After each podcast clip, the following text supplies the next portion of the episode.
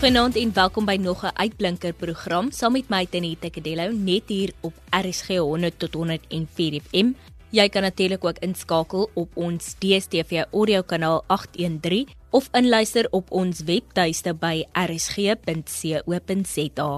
In Finansie Kompas vat ek die pad te Dorings toe om te gesels met Menise Bia wie onlangs haar studies as onderwyseres voltooi het. Later in die program maak ek ook 'n draai by Jody Jantjies van Mitchells Plain wat ten spyte van haar hakkelprobleem steeds 'n sukses van haar lewe maak. So ek is Menise Bia, ek is 22 jaar oud en ek is woonagtig in 'n welbekende en pragtige dorpie met die naam De Dorings. Ek het op 'n plaas genaamd Lekretjie het groot geraak waar ek ook meeste van my kinderjare deurgebring het tot ons verhuis het na die dorpgebied. So ek is eintlik 'n trotse plaaskind. Ek is ook die oudste kind van twee dogters. Ek het my primêre opvoeding ontvang aan Oudtshoorn Primêre Skool en my sekondêre opvoeding aan Hoësvallei Sekondêre Skool. Die jaar 2017 het ek my tersiêre studies begin as eerste jaar by die Kaapse Skiereiland Universiteit van Tegnologie, te Wellington, waar ek my graad in onderwys verwerf het. En vandag is ek 'n gekwalifiseerde senior fase in COO onderwyser. Dis fantasties, Monies, baie geluk. Monies, hoekom het jy juis besluit om in hierdie studie rigting in te gaan? Ek sê gewoonlik as mense van my hierdie vraag vra, vat ek hulle altyd terug na my kinderjare, waar ek altyd skool skool wou speel en die mees interessante deel vir my hiervan is die feit dat ek nooit die leerder wou wees nie, maar altyd die juffrou en ek het elke oomblik daarvan geniet. Ek het gehou van skoolloop, ek het gehou van die idee van boeke, penne leer en net alles omtrent die leeromgewing. Vir my was dit altyd 'n groot vreugde en voorreg om die onderwysers voor my in die klas te kon sien staan, terwyl ek altyd vir myself gesê het, dit is waar ek eendag myself wil sien. So dit was eintlik my droom en my passie van kleinstyd af. Ek wil 'n agent van verandering wees.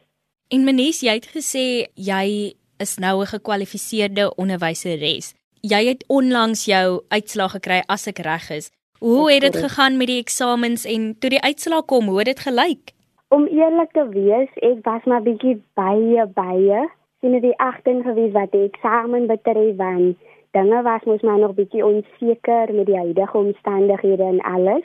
En selfs die omstandighede waarin ons ons eksamen afgelê het, was ook 'n bietjie anders as waar aan ons gewoond is te Nita. Maar steeds deur dit het ek myself net altyd um gerus gestel en vir myself gesê ek wil suksesvol wees aan die einde van die jaar. So ek moet positief bly en nog deur die omstandighede moet ek positief staan en my bes te gee en hard leer. En ek was opgewonde vir my eksamen en ja, ek het elke oomblik daarvan geniet en toe my uitslae kom, ek was nog as bietjie baie baie bekommerd want ons het op ou keersdag het ons ons uitslae gekry. Maar toe my uitslae kom, was dit heeltemal bo my verwagting. Dit was net trane daai dag gewees en ek het baie goed geslaag. Ek het so goed geslaag dat ek 'n uh, gemiddelde van 85% gekry het en ook onderskeidings gekry het in al my vakke. So ek is net dankbaar en, en ek het net vir myself gesê, ek het vir myself gesê ongeag die omstandighede, ek wil suksesvol wees en ek gaan hard werk en ek het die vrugte gepluk daarvan. So ek is baie dankbaar daarvoor. Jy luister nog steeds na Kompas op RSG 100 tot 104 FM saam met my Tenita Ketello en ons vier weer uitblinker aand. Maar die pad was natuurlik nie sonder struikelblokke nie. Wat was van hierdie struikelblokke wat jy moes oorkom? Om eerlik te wees, nie op 'n persoonlike vlak, ek het baie gestruikel met my geloof en ook my geduld deur my 4 jaar van studies. Daar was daar wat dinge maar bietjie baie moeilik gegaan het, selfs in my huishouding en dit was veral oorweegend. En ek onthou in my eerste jaar toe ek gereed moet moes maak om weg te gaan vir universiteit. Net so 'n week voor ek moes weggaan, het ek my ouma verloor en ek het ook nie verblyf gehad op daardie stadium nie want al die koshuise was vol en my ouers het ook nie genoeg geld gehad vir privaat verblyf nie. Daar was 'n oomblik wat ek self besluit het, okay, ek gaan nie meer gaan studeer nie. Ek gaan maar eers los in 'n gapings jaar neem. En my beurs aansoek was ook toe daai oomblik afgekeer as gevolg van een of ander fout wat begaan was met die wegstuur van my dokumente. En in daai oomblik het ek gevoel dat is nou net genoeg om my geloof te toets en dit tog gelei tot verskeie emosies. Maar weet jy die Here was nie so goed vir my en hy stuur toe 'n borg op my pad wat aangebied om my studies van my eerste jaar te befonds asook mense wat hulle deur vir my geopen het met blyplek vir my eerste akademiese jaar So as ek terugkyk kan ek regtig waar net sê dit was nie die hand van God gewees. So vandag kan ek sê deur my twyfel was God steeds getrou. En wat maak vir Menies nou anders? Tenita persoonlik, ek beskou myself anders vir die feit dat ek maar 'n baie eenvoudige en nederige mens is wat in enige omgewing of situasie kan aanpas ongeag die omstandighede. Ek glo persoonlike groei is meer sigbaar as jy nederig en ontwikkelend bly.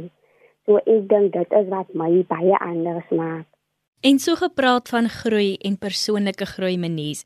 'n Mens het natuurlik hoogtepunte en laagtepunte wat saam met daardie groei gaan. Die laagtepunte leer jou natuurlik dat daar 'n kans vir weer probeer of dat jy ja. kan verbeter en dan die hoogtepunte gee natuurlik soos jy gesê het, daai gevoel van ek het uiteindelik die vrugte gepluk. Wat is van jou hoogte en laagtepunte of leerpunte in jou lewe? Van die hoogtepunte in my lewe is natuurlik my ouers se oneindige liefde en ondersteuning. Nie net deur die 4 jaar van studies nie, maar my hele lewe lank.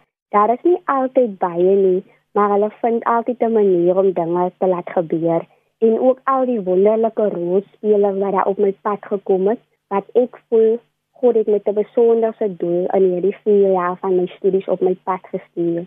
Vanaf vreemdelinge, vriende, dosente en leiers wat nou familie geword het. My hart loop net oor van dankbaarheid as ek daaraan dink. Dan nog 'n hoogtepunt is die feit dat ek my liefde vir leierskap vanaf hoërskool tot universiteitsvlak kon uitleef en 'n verskil maak. En ook die feit dat ek vir 3 agtereenvolgende jare 'n plek op die kameritelys van die universiteit kon behaal het. Dan ten van die laagste punte sal ek eintlik sê is die feit dat ek amper te laat besef het wat 'n goue geleenthede daar alles saam met student wees kom. Maar ek is baie dankbaar dat ek 'n geleentheid kon kry selfs in my finale jaar om my medestudente in universiteit te dien as leier. Ek is baie dankbaar daarvoor. Menies ek dink al hierdie dinge gebeur tog maar met 'n doel en dit leer mens weer baie van ander aspekte van jou lewe en tot wat jy in staat is natuurlik. Menies jy praat nou so van leierskap. Ek sal graag wil weet wat het die universiteit jou geleer van leierskap en dan ook oor verantwoordelikheid? Van leierskap vir my was dit natuurlik wie wag nie wie. Ek sê dit altyd sê altyd ons weet nie hoe sterk ons regtig is tot ons onsself uitdaag en dit is wat ek besef het op my reis van leierskap in 2020. Dan verantwoordelikheid, het my definitief laat besef en geleer dat ek nie by die huis is of by die skool meer is waar daar konstant iemand was wat agter my gekyk het of ingestaan het as ek 'n fout begaan het. My ouers gaan ook nie altyd daar wees om my te herinner aan die waardes wat hulle in my gekweet het nie, So dit het definitief vir my geleer dat daar 'n tyd in elke mens se lewe kom waar jy alleen op jou twee bene moet staan en die wêreld moet aanpak. So ons moet die lering, waardes en ondersteuning wat ons vanaf ons ouers, onderwysers, leiers en wie ook al op ons pad kom waardeer en bewaar. En so gepraat van verantwoordelikheid, watter raad het jy vir ander eerstejaars studente? My raad vir eerstejaars studente is Mag dit die begin van nuwe en groot dinge wees vir julle. Laat jouself toe as eerste jaar om aan te pas in die nuwe omgewing, maar moenie jouself verloor in die proses nie. Waardeer julle ouers en al die rolspelers wat op julle paai kom. Die opofferinge en die bietjie wat daar is, dan glo my, dan gaan Dawie wanneer dinge moeilik gaan, maar mag julle in daardie oomblik nie vergeet al die opofferinge en liefde wat in julle ingevesteer word. Hou vas aan julle geloof en vertrou op God wanneer dinge moeilik raak. Die pad na sukses het ek persoonlik geleer. Is nog nooit maklik nie, maar die moeite werd. Gryp elke geleentheid waarin jy jouself en ook jou kennis kan ontwikkel met albei hande. Belangrik, moenie vergeet om elke oomblik as student te geniet nie. Want as dit eers verby is, kan jy dit nie weer inhaal nie. Leef in die oomblik. Dit sy leef in die oomblik en nou gaan ons bietjie gesels oor wat die toekoms vir jou inhou. My beroep as onderwyseres gaan ek binnekort bekleë as God dit moontlik maak sodra die skole begin en ek is baie baie opgewonde daaroor. En dan, ek wil ook vir my ouers baie graag werk. Dit is my grootste begeertes want ek voel alles wat ek tot dusver bereik het, is alles te danke aan hulle en ons Hemelse Vader. En daarna, my reis van studies voel uiteindig definitief nie hier net in Ita. Ek beplan om my honeurs volgende jaar te doen as God dit moontlik maak. En alhoewel ek onderwys voltyds wil doen, wil ek ook 'n sakevrou wees die hele tyd. So ek wil ook 'n besigheid begin. En dan wil ek mos nou natuurlik 'n verskil maak in my gemeenskap en in ons kindertjies se harte en lewens deur my passie vir onderwys en 'n seëning wees vir ander op enige ander manier moontlik. So dit is my toekomsplanne. Daar sê Maar menies, nou dat ons weet hoe vinnig dinge kan verander, soos wat ons gesien het in 2020, hoe gaan jy nou 2021 aanvat? Met watter benadering? Vir my met niks anders as God, 'n dankbare hart, gebed en 'n sterk geloof. Ek sê altyd, ek is heiliglik of elke dag as ek net meer en meer dankbaar vir lewe, vir gesondheid en God se genade aan en 'n mens besef elke dag hoe kort die lewe is en dis moet 'n mens die beste maak van elke oomblik. So ek gaan definitief 2021 met God 'n dankbare hart en 'n sterk geloof in Denita. En dan net ten slotte menies, watter raad het jy vir ander jong mense oor hul toekoms, hulle drome en dan ook selfvertroue? My raad vir ander jong mense is: waar ook al jy gaan, neem God saam met jou en maak hom deel van alles want dit is waar ons krag en ons hulp aan die einde van die dag vanaf kom. Daag jouself uit. Wees groter as daai vrese en daai omstandighede wat jou soms weerhou van al die mooi dinge wat God instoor het vir jou.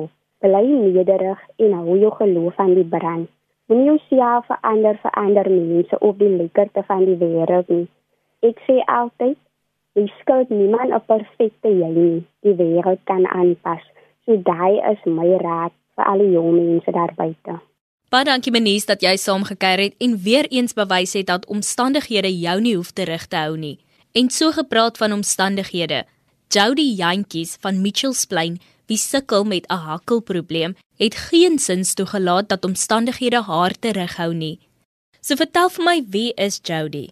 Ek is 20 jaar oud ek doen 'n BA graad by TVK. Ek gaan neem hier plein en ja, daai is basically ek in 'n nutshell.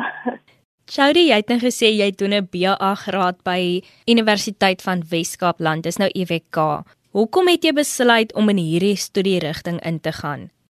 Skool, um was ek by ek was mal oor tale. Ek ek was um basically um net um goed en and basically uh hoopspelle en ek het especially baie um Afrikaans enjoy. En toe ek besluit ek wil dit mos nou gaan studie van ek wil nou meer leer van hotel um you know en dit was vir my veral um interessant. En dit is ook um amazing van 'n BA as baie um general.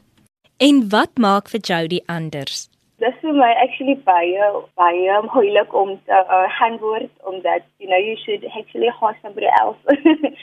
maar ja, ek dink ek is baie um, handig. Ek het natuurlik 'n uh, um, spraak on problem en dit het my actually geforce. Ek was geforce om baie um steek te wees. Ek was gedwonge om baie uh, hou vir moeite en dit is altyd um maklik om te um, start a new now en Dit is natuurlik van die struikelblokke wat jy moes oorkom in jou lewe, nê? Nee. Yes, ek dink dat is actually is massive.